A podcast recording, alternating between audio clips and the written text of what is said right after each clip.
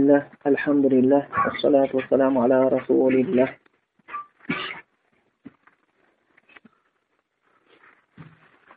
Allah Allah өзінің кітабынан және пайғамбардың сүннетінен болған ілімдер нәсіп етсін ол ілімдерді ықыласпен амалға асыруымызға нәсіп етіп біздерді жәннатқа жақындатып тозақтан алыстатсын аллах тағала жер бетіндегі барша мұсылмандарға бауырластықты нәсіп етіп оларды фитналардан сақтап saqlab ularni o'zlarini tinchlik berib moldarini jonlarini arlarini qo'rg'asin bugun endi tag'da orqagi hadisimizga жалғастырамыз. жиырма бесінші хадиске жеткен екенбіз. Аллахтың жәрдем бұл хадисте абу зар әл ғифариден риуаят етіледі екен. Бұның алдындағы хадисте бұл абу бірінші хадистің мәтінін бір қарап өтіп одан кейін хадиске кішігірім шамамыз келгенше түсіндірме беруге тырысамыз. عن أبي ذر رضي الله عنه أيضا abu zar roziyallohu anhudan rivoyat etiladi bu hadisda deb keladi ekan bu kishining sahobani umrine to'xtalmaymiz buning oldingi sabog'ida biz biroz to'xtalib o'tganmiz أن ناسا من أصحاب رسول الله صلى الله عليه وسلم قالوا للنبي صلى الله عليه وسلم bir rivoyatda nasan deb keladi mana shu nasan ikkovi bir narsa ko'pcha tur payg'ambarimizning sahobalaridan bo'lgan bir kishilar deydi allohning elchisiga kelib былай deb aytdi deydi Ya Rasulalloh, ya Allohdan kelishdi. Zahaba ahlud dusur bil ujur. Ko'plagan molning egasi bo'lgan odamlar savobning barini olib ketdi qo'y. Yusalluna kama nusalli. Ular namoz o'qiydi, bizning namoz o'qiganimiz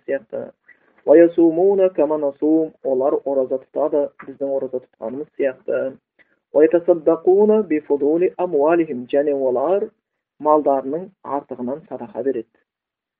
яғни айтайын дегендері біз садақа бере алмаймыз ғой деген сияқты бұл келген адамдар жаңағы кедей мұсылмандар еді қала сонда пайғамбарымыз оларға бұл сұрақтарына былай деп жауап берді аллах тағала сендерге садақа қылатын нәрсе бұйырған жоқ деді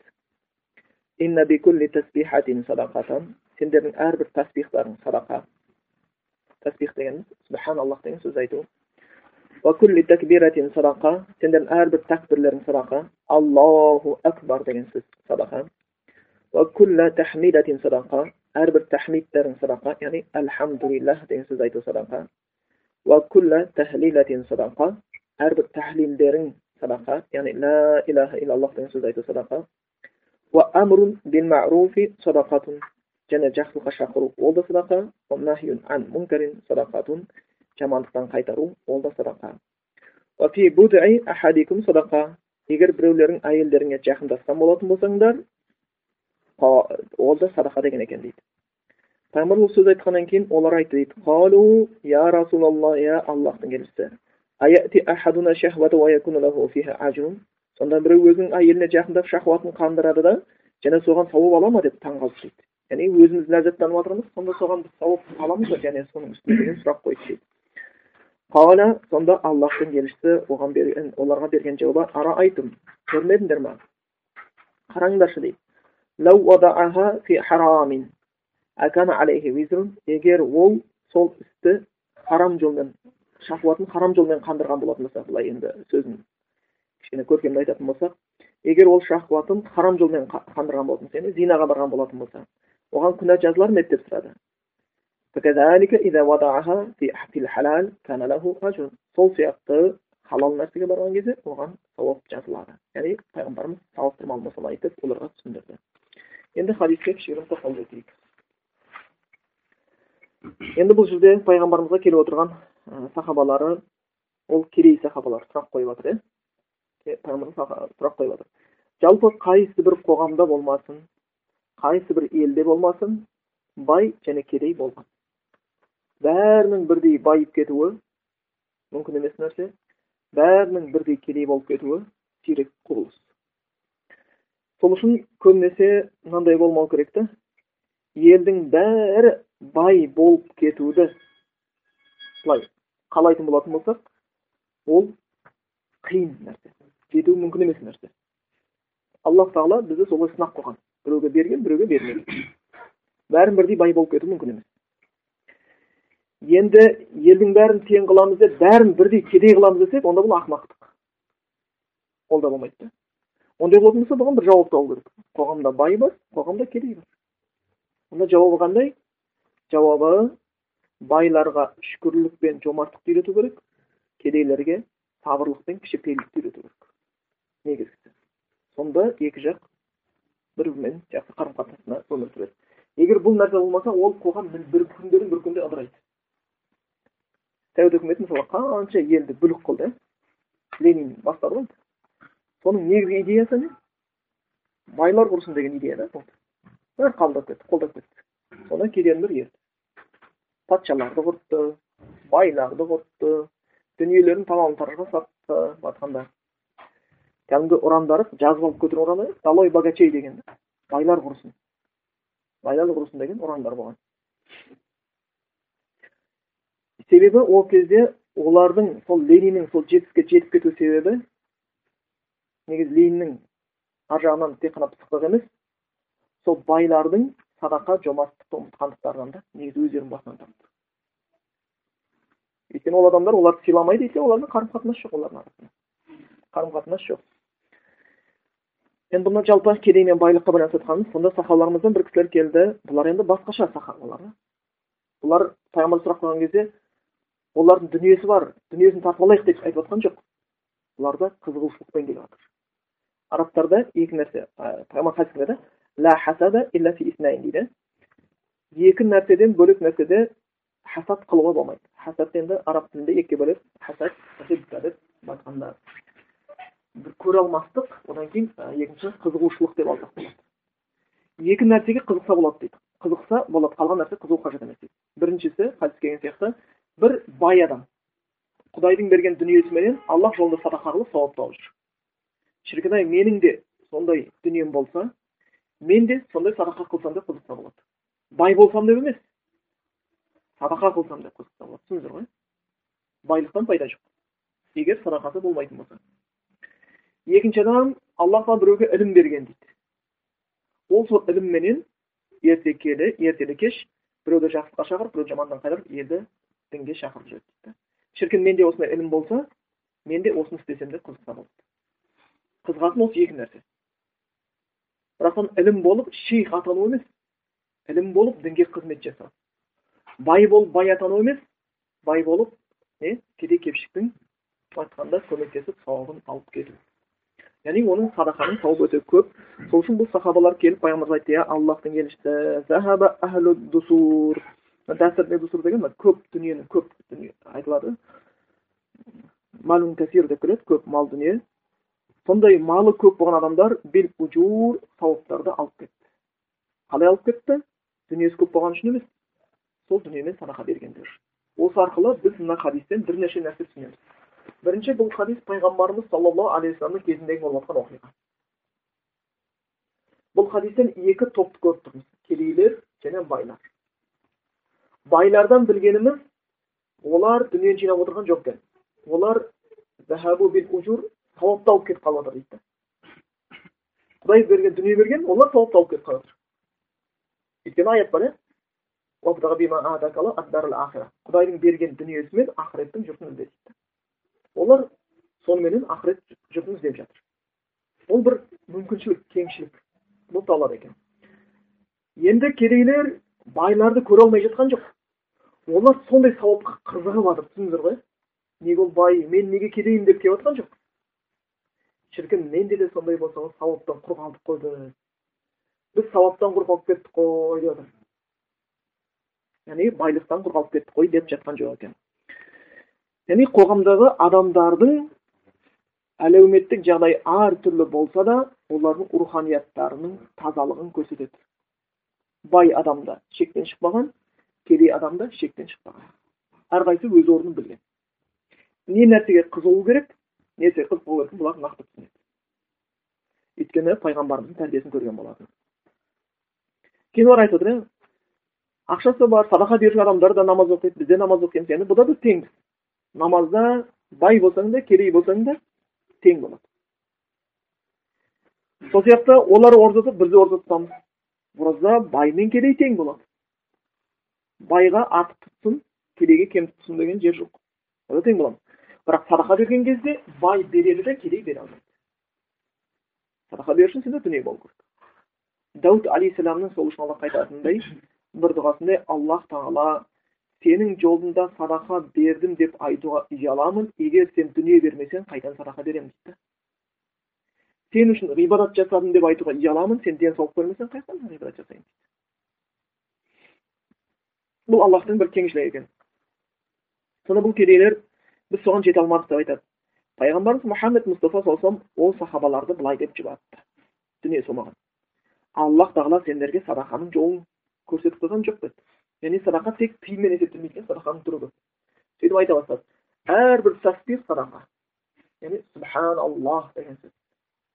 Субханаллах деген сөз алла пәк яғни бұл адам айтқан кезде сауап алады бұл сөздер кей кезде не деп айтады?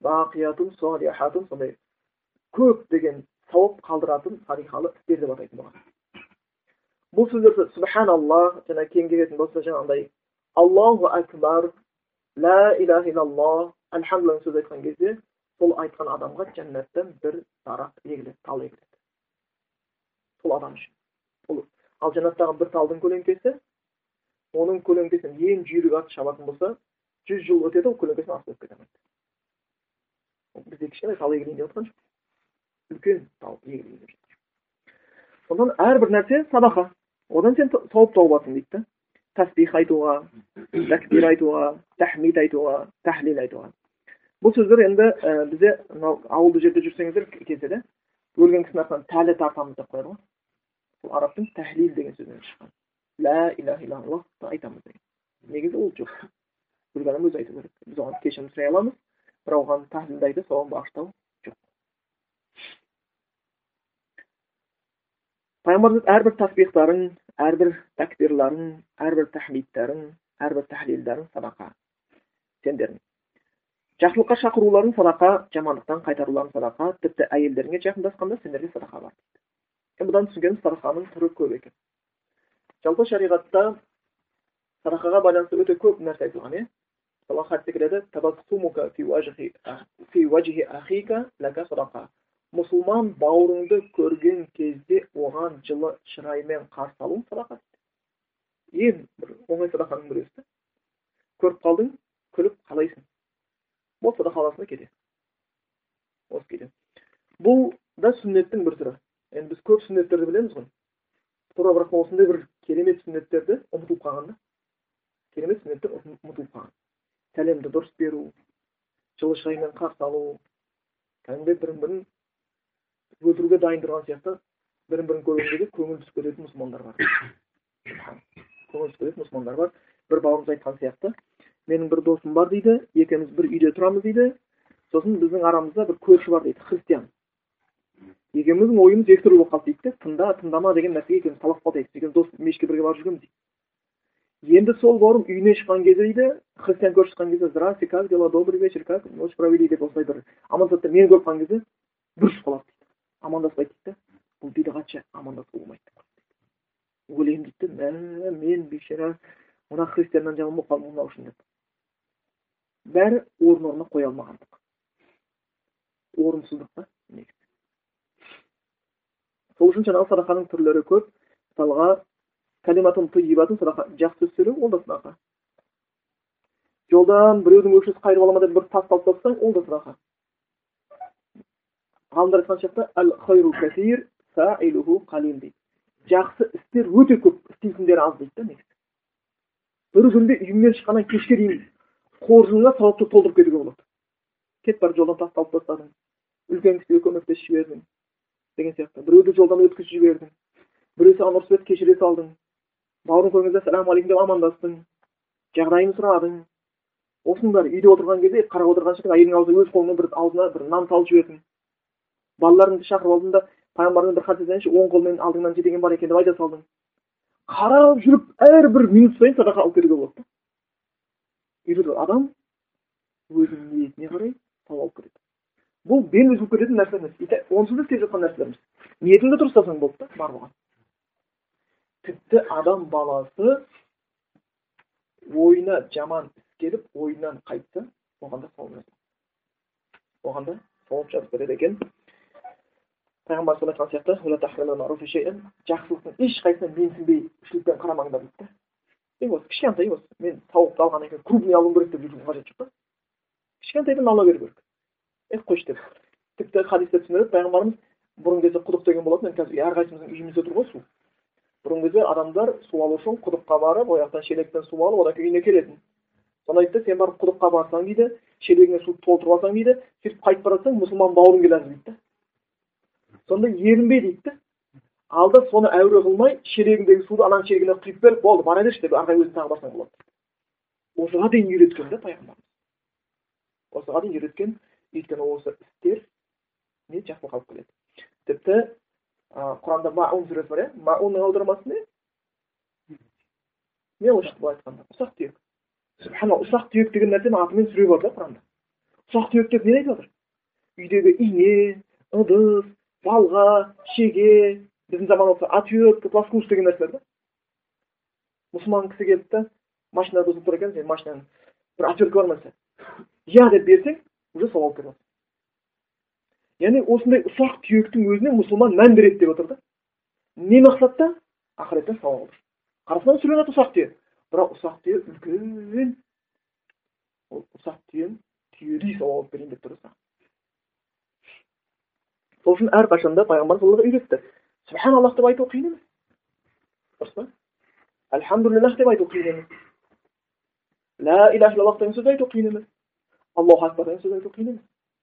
Лә илаха деген зікірдің ең абзалы лә илаха иллаллах деген сөз дейді. Ол сондай оңай лә илаха иллаллах деп айтқан кезде ердің ерніңе де тимейді да.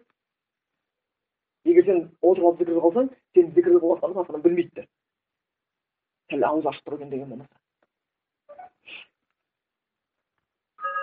и пайғамбар мұхаммед мұстафа саллаллаху алейхи уассалам ол сахабаларына садақа берудің жолын үйрете бастады яғни сендердің әрбір таспихтарың садақа әрбір такбирларың садақа деген сияқты одан кейін садақаның және бір несі пайдасы адамға беретін мысалға хадис келеді ауруларыңды садақамен емдеңдер кей кезде адам шипа басқа сұраған кезде дәрі іздейміз ғой сол сияқты тез жазылу үшін беріп те емделуге болады да оның да бір жолы бар мұсылман елдерінде ондай нәрсе жиі кездеседі мен рият қаласында оқып жүрген кезімізде кәдімгі енді студент болғаннан кейін қаражатымыз толық таусылды дейді бірақ енді үйге бір картошка сорпа су жасау үшін бірдеңе алу керек болды біздің қолымызда кішігірім ақша бар үйдің қасындағы кішкентай магазинге барсақ ол көпке жетпей қалады. Үлкен магазинге барсақ алыс бірақ ана ақшаға кішкене бір нәрсе алуға болады. Енді оны таксиге төлесек ала алмай қаламыз. Сосын келіншегім екеуміз баламызды коляскаға салып қалай болса да енді сол магазинге алысқа барайық деп шықтық ол жету үшін бір қырық минут уақыт кетуі мүмкін да. Коляскаға салып қайтып қайтамыз деген ойым. Ойымызда ештеңе жоқ. Енді сол ақшаны жеткізу керек. Сөйтіп сорпа суды алайық деп енді аш отыра беруге болмайды ғой. Кетіп бара жатқан кезімізде үйден ұзап та шығып үлгерген жоқпыз.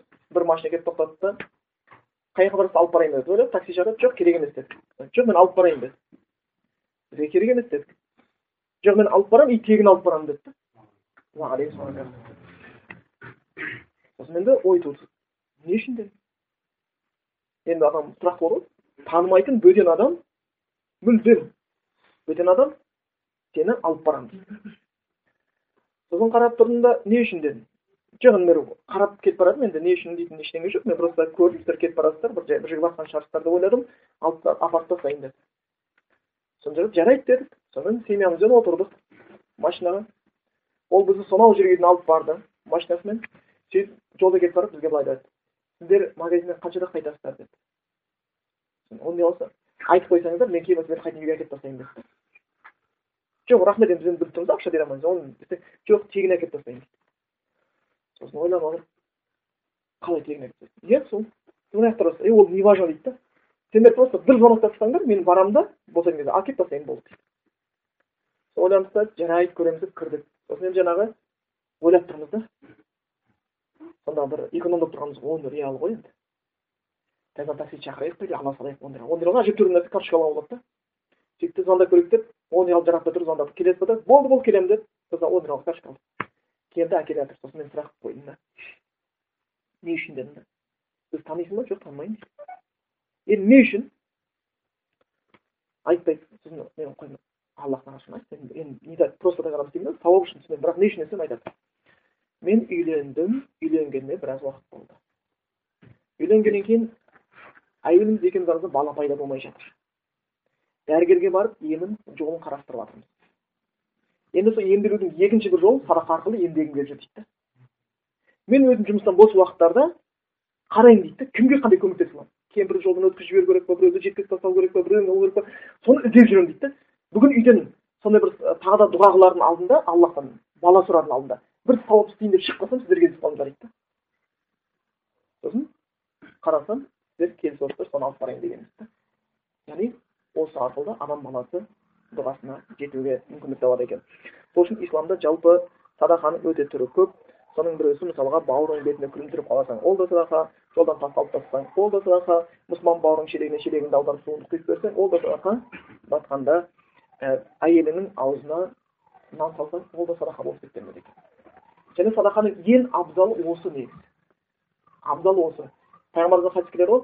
Адам дейді аллах жолында беретін садақасы бар адамның дейді жаңағындай бауырларына беретін садақасы бар кедей кепшікке беретін садақасы соның ішіндегі ең абзалы әйелі мен бала шағасына жаратып жүрген садақасы бұл ең абзалы дейді сол үшін отбасын қатты мұқтаждықта тастауға болмайды мүмкіндік бар кезде оларға да ішетін жейтін мүмкіндігін жасап тұру керек екен одан кейін соңында жақсылыққа шақыруың жамандықтан қайтаруың ол да садақа деді осы жерде біз бұның алдында кішігірім түсіндіргенбіз және түсіндіріп кетейік жақсылыққа шақыру деп қазақша аударамыз арабшасы қалай болады әмрун бил мәруф әмір бұйыру.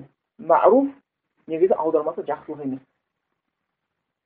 Яғни мәруф белгілі заттарға шақыру да арифа ярифу таныды таниды деген сияқты сөз болмаса мәруфун танылған белгілі известный нәрсеге шақыру. Жақсылықты неге шариғатта белгілі зат деп атайды. Өйткені аллах тағала адам баласын жаратқан кезде оның жаны жақсылықтардан рахат табады да таниды да. Сен бұрыннан танитын адам дастархан басында отыратын келіп қалса о қалайсың қайдан? Кел кел бірге қауын жеп алайық деп шақыруы мүмкін. Танымайтын адам келіп қалатын болса ассалаумағалейкум деп біраз ойланып тұрасың да. Бірден сөйлесіп кете алмайсың. Кішкене бір граница тұрады да. Отырып отырып үндемей отыра беруің де мүмкін. Бір пойызға мінгенге танымайтын адамдар болып қалады ғой біраздан кейін кімсің? Одан кейін барып біраз жүргеннен кейін барып танысқаннан кейін барып сөз жүре бастайды. Сол үшін адам баласы танымағанға дұшпан болады. Шариғатта әрбір жақсы істі маруф таныс дүние дейді да. Аллах бізді сондай қылып жаратқан біз ол істі істеген кезде кәдімгідей жаны қуанады. Түсіндіңіздер ғой адам жаны қуанады. Намаз оқыған кезде адам жаны қуану керек. Садақа берген кезде адам жаны қуану керек. Бір жақсы істеген кезде адам жаны қуану керек адамның фитрасы осылай жаратылған адам фитрасы осы күйінде жаратылған фитраң бұзылмаса жақсылыққа қуанады. Фитра бұзылған кезде жақсылықтан қайғырады. Дәлел шындап келген кезде мысалға мынандай оқиғалар болады иә? Біз осыны түсіндіріп кезде айтамыз. Мысалы бір атеист адам құдайға сенбейді. Құдай жоқ дейді ақырет жоқ дейді. Мен өзіме сенемін құдайға сенбеймін дейді да. Сол адам бірақ та келе жатқан кезде бәрі оның фитрасында бар ғой аллахтың. Жаратуына байланысты қалған дүниелер бар иә. Келе жатса жолдан пешеходный переходтан бір кемпір өте алмай тұр да қалт құлт етіп. Машиналар өтіп жатыр тоқтамайтын ешқайсы тоқтайтын жоқ сосын ана атеист адам ол сауабын өтіп жатқан жоқ.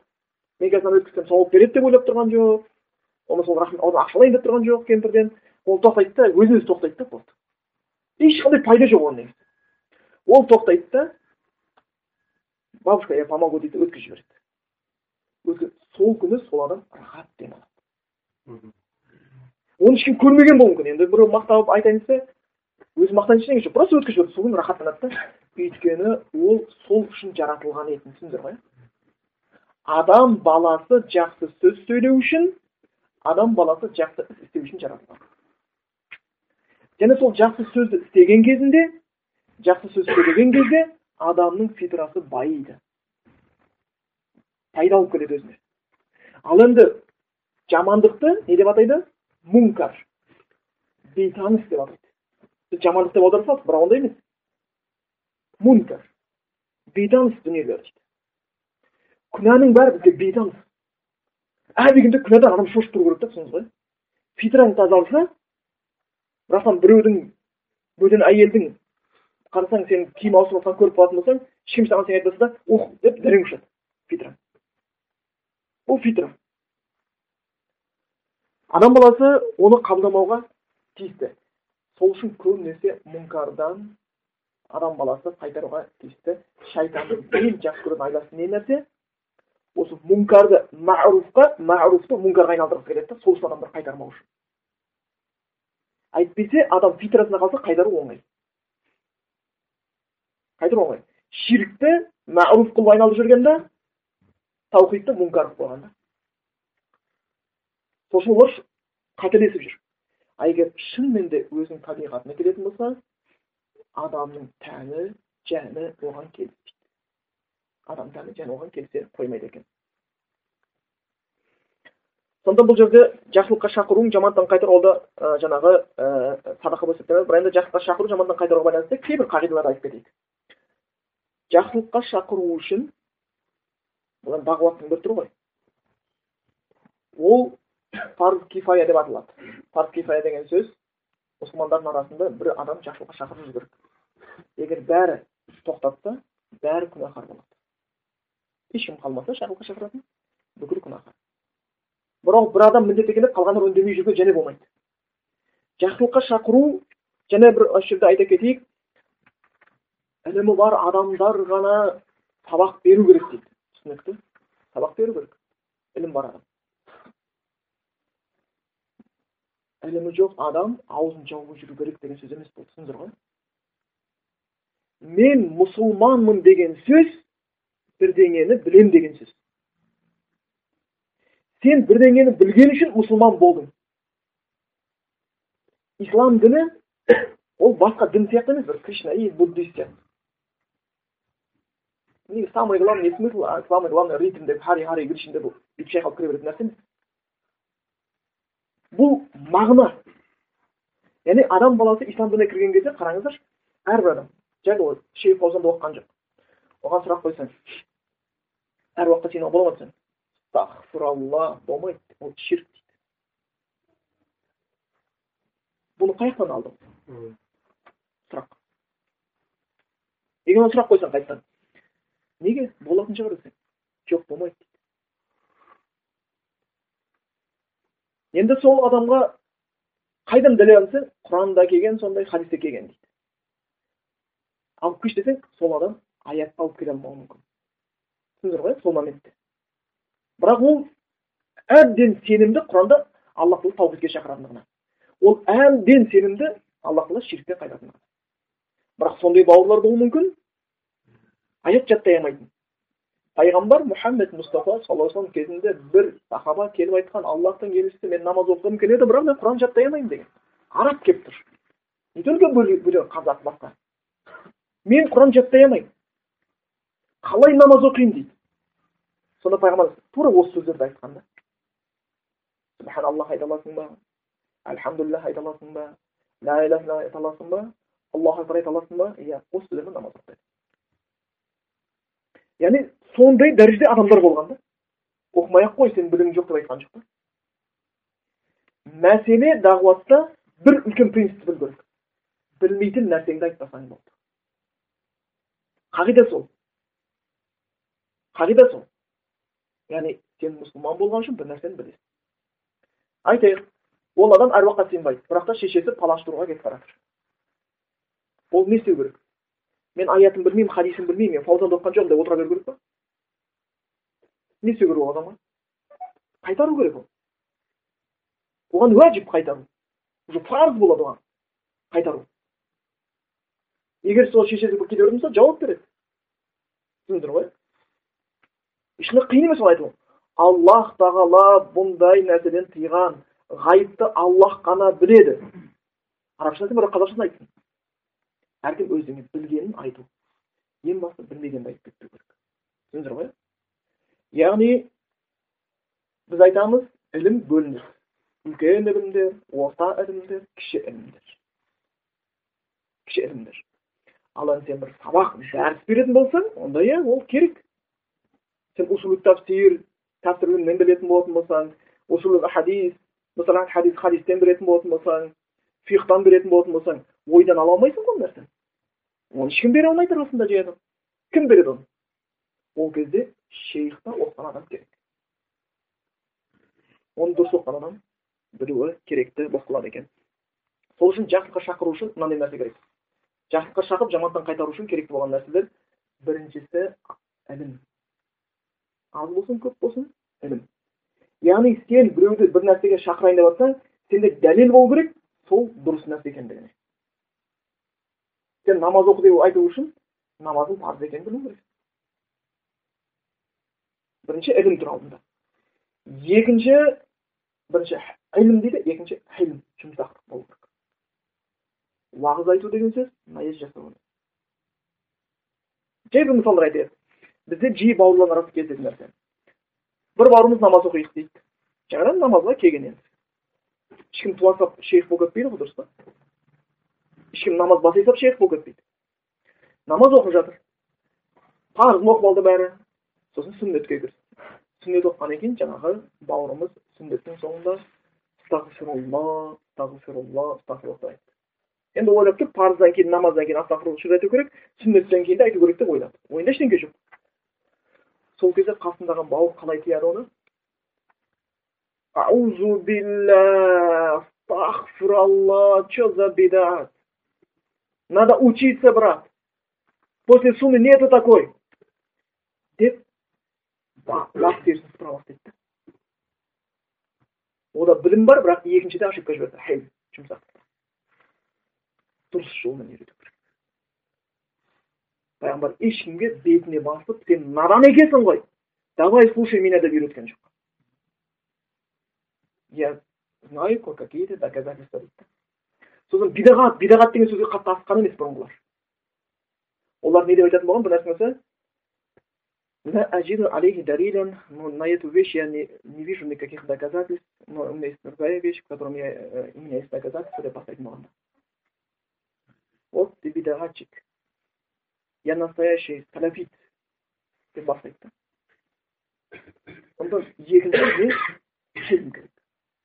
Өйткені және түсініңіздер ілім бұл күш та үлкен күш болады мысалға. Спортқа барған кезде жай адамдар болады. Жүгірсе бір екі жүз метрден ентігіп қалатын ел көтере алмай қисалаңдайтын болады. Сосын біраз күннен кейін үйреніп алғаннан кейін ол көшеге барып біреуге тиіскісі келеді.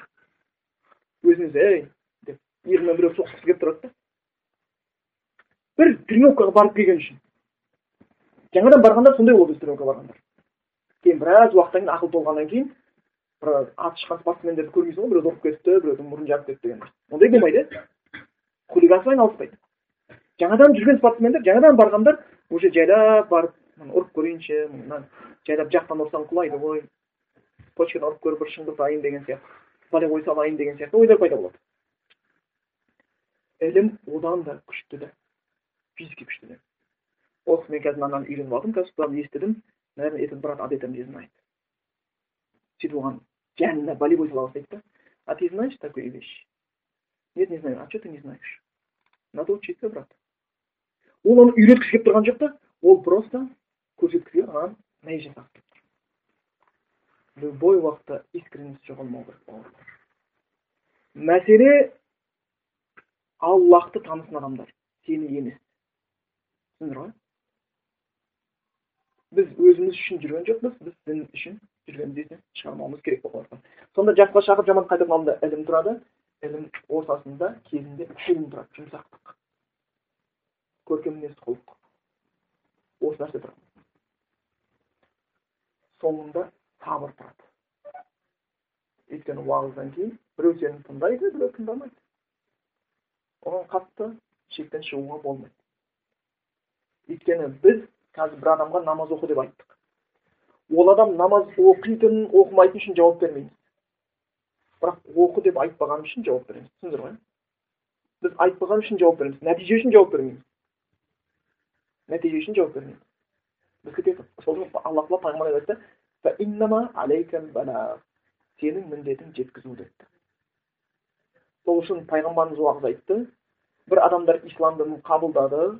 Абу бәкір сындық сияқты разиаллаху осман сияқты разиаллаху бірақ абу жахил абу лахаб сияқтылар қабылдамады оларға да айтылды. Абу жахил мен абу лахабтар кәпір болып қалған үшін пайғамбар жауап бермейді. Пайғамбар айтты. Сол үшін біз айтамыз біреу тыңдауы мүмкін біреу тыңдамауы мүмкін. Субханалла адамзат баласының абзалы ең көрікті ең көркем сөйлейтін пайғамбар тыңдалмай қалған кезде бізді де тыңдамауы мүмкін. Бізге де біреу жаман сөз айтуы мүмкін уахабист террорист экстремист пәленшист түгеншист деген айта салуы мүмкін ол кезде сабыр керек ол кезде сабыр қылу керек болады екен сол үшін жақсылыққа бұйыру үшін жаман қайтару үшін ілім керек оны қайтару барысында жұмсақтық керек соңында сабырлық керек болып қалады екен садақа дейді және сендердің дейді әйелдеріңе жақындауларыңды садақа дейді осы жерге бір тоқталып кетейік еркек үйленген кезде мойны төрт үлкен міндеттер жүктеледі. Жаңағы қосымша міндеттер бар. Біріншісі оның тамағы еркектің мойнына өтеді да. Әкесінен еркектің мойнына өтеді. Әкесі қызын бергеннен кейін бір мұсылман жігітке әкесі жауапкершіліктен құтылды. Оған дейін әкесі істеп жүрген. Қызын бағу киіндіру әкесі мойнында енді бір жігіт некесін қиып алғаннан кейін ол жігіт әкесінің міндеттерін өз мойнына міндеттейді тамағы киімі тұратын жері төсектегі хақ төрт үлкен хақ бұлар қатты орындалу керек егер осы хақтарынан еркектің шамасы келіп тұрып бас тартатын болса әйел адам талақ сұраса күнә жазылмайды түсіндіңіздер ғой маған ондай болса талағымды бер десе әйелге күнә жазылмайды егер осыған шамасы келіп тұрып орындамаса шамасы келмей қалса аллах адамға шамасы келмейтін нәрсені жүктемейді өйткені аллах құранда әйелді алғаннан кейін еркектерге не деп айтты әйелді жіпсіз байланғандай қылмаңдар повешенный не байы бар сияқты емес не байы жоқ сияқты емес талақ та бермейді жүр ол да не хақын да өтемейді ол әйелдің ол уже аллахтың алдында ол еркек жауап береді және ол жауап өте қатты болады әйелдердің хақындағы жауап оның қаттылығы соншалықты пайғамбар мұхаммед мұстафа саллаллаху өмірінің соңғы сәттерінде көп нәрсе айтты таухидке шақырды намазға шақырды көп нәрсе маңызды нәрселер айтты соның ішінде әйелдердің хақысында құдайдан қорқыңдар деген сөз көп айтты соңғы өсиеттері әйелдердің хақысында құдайдан қорқыңдар өйткені еркектер еркектерді аллах тағала әйелдердің үстіне басшы қылып қойған еркектің әйелден дәрежесі жоғары деген әйел адам талақсың десе талақ түспейді еркек талақсың десе талақ түседі неге әйел адам талақсың десе талақ түспейді неге оған берген жоқ өйткені ол әйел неге еркек адам талақсың десе талақ түседі неге ол еркек бірақ көп адам өзін еркек екенін ұмытып қалған сияқты разница жоқ екеуі де әйел сияқты да аузынан бір сөз талақ деген сөз шығады. Ойланбастан оны алла тағала сен еркексің. Сондықтан саған мынау аманат деп сеніп тапсырған да. Қалай болса ойласын демейді. Енді осы хақтары. Тамағы киімі тұратын жері төсекте егер еркектің тұратын жері болмай бірақ неке қиғысы келді? Неке қиылады келешекте үй мүмкін. Еркек адамның жұмысы болмай тұр киіндіруге тамаққа келешекте мен киіндіремін бірақ неке берейікші десе уәли келсе неге қиыла береді? Тамағыны жаңағы киімін толтырамаса тұратын жерін толтырамаса неке қиылуы мүмкін? Яки болмаса киімін толтырамаса неке қиылуы мүмкін? Яки болмаса тамағын толтырмаса неке қиылуы мүмкін? Бірақ еркек адам төсекке жарамайтын болса неке қиылмайды? Бұл ең жоғары хақтың бірі әйеліңе жақындағаннан сауап бар дейді. Сауап түрлі.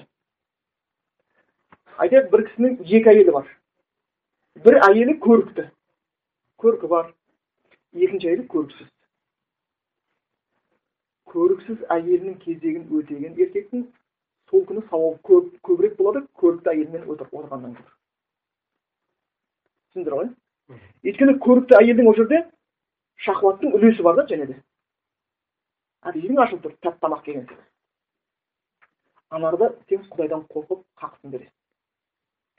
Еркек адам үйленбесе шахуаты қозғаны сияқты әйел адамның да шахуаты қозады burada екі, екі нәрсенің бірі сен не өзіңнің шахуатыңды басасың не және әйелдің де шахуатын басасың. Егер ұзақ уақыт әйелге қарамаған болатын болса әйелдің шахуаты қоза бастаған болатын болса оның көзі жан жаққа еркектерді іздей бастаған болатын болса оның көзі жаман телевизорларды көре бастаған болатын болса шахуаты қанбағандықтан еркек жауап береді. Еркек жауап береді. Өйткені ол соған не қылды? Себептер жасады. Сол жаққа кетуіне. Сол үшін әйелдің хақын беру үлкен сауап біріншіден өзін қорғайды екінші әйелін де қорған болып қалады екен сол үшін құранда келеді ғой әйелдеріңді ұнатпаған нәрседе сендер үшін қайран көп деген сауап болуы мүмкін дейді да ұнап тұрған жоқсың бірақ аллахтан қорқып ақысын беріп жатырсың сауап көбірек жазылады жерде сауабы көбірек жазылады екен ал мұсылман адамға қатты керекті болған нәрсенің бірі өзі сауап мәселесі оны естен шығармауымыз тиісті екен және де бұл әйелге жақындаған кезде шахуат басылады еркектің де әйелдің де деп айттық енді кей кезде мынандай бір нәрселер болады ол жақсы емес. Мысалға шариғатта былай деп бұйырған да негізі хадистер келген. Еркегі әйелін қажет етіп қалса төсекте қажет етіп қалған болса әйелі тандырдың басында болса тандыр деген енді нан пісіретін жер. Тіпті қамри деп жатқан болатын болса күйеуі шақырса әйелі келу керек. Келмесе күнә. түсіндіңдер ғой? Келмесе күнә. Сол күйінде. Яғни ол келуге тиісті. Бұл шариғаттың міндеттеп қойған нәрсесі болып табылады екен. Енді қарасаң хадис бойынша көбінесе еркек әйелді іздейтін сияқты да. Бірақ неге екені белгісіз оның себептері де болуы мүмкін мына заманда әйел еркекті іздейді еркектер әйелінен қашып жүрген замандар кәдімгі сұрақтар келеді бізге мен төрт айдай болды күйеуімді әлі көрген жоқпын дейді мен алты ай болды күйеуімді әлі көрген жоқпын дейді бұл жақсы емес жас семьялар үшін бұл жақсы нәрсе емес не ол еркектің денсаулығы құрыды онда емделсін. Оған емделу уәжіп болады. Өйткені әйел адам ұзақ уақыт шыдай алмай сол төсекте қақсын талақ сұрайын десе күнә жазылмайды. И сен беріп жатқан жоқсың. Егер сұрайын деп қалса әйел емделу керек. Яки болмаса ол ауру кәдімгі денсаулыққа байланысты екінші болмаса шахуатқа байланысты мүмкін. Өйткені қазіргі кезде көп адамдардың байқаған не нәрсе болды? Көп адамдардың байқаған нәрсесі мына нәрсе екен европада жиырма бес жаста еркектер не болып жатыр профтовик болып жатыр болады яғни белсіздік жарамайды әйелге қарау себептерін іздеп келіп әртүрлі жағдайларда ең соңғы тапқандары не болып шыққан ең соңғы тапқандары еркектердің интернеттен әрбір әйелдерге қарай беру екен. Себеп шыққан өйткені еркек мынандай екен. Әйелді көргеннен кейін ашық шашық шахуаты көтеріледі көтерілгеннен кейін еш нәрсе болмайды. Қайтадан басылады. Көтеріледі басылады. Көтеріледі басылады да денсаулық құриды екен. Сол үшін шынымен әйелдердің жабынып жүруі бірінші очередь әйелдер үшін емес еркектер үшін де тиімді екен. Еркектер үшін де тиімді болып қалады екен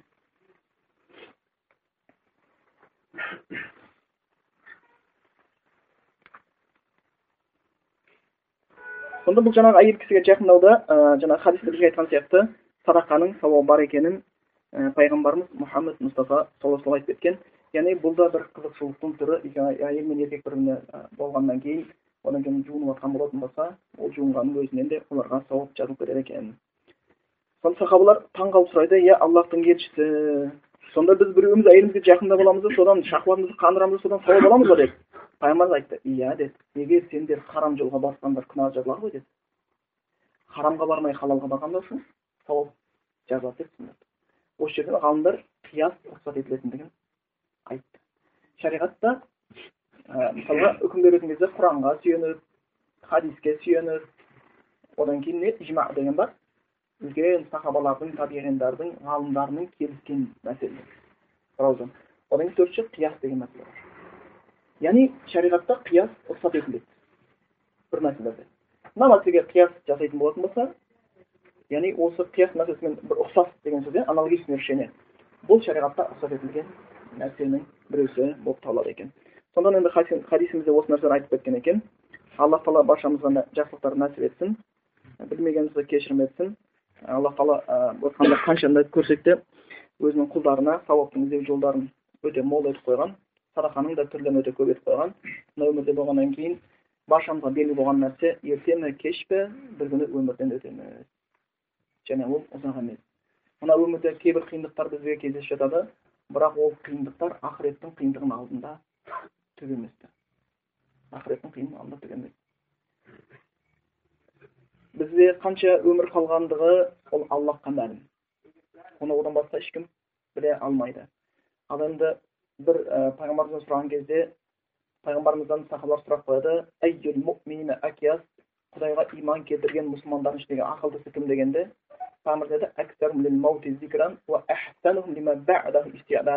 өлімді көп ойлағандары және өлімнен кейінгі жағдайға дайындық жасағандар депті.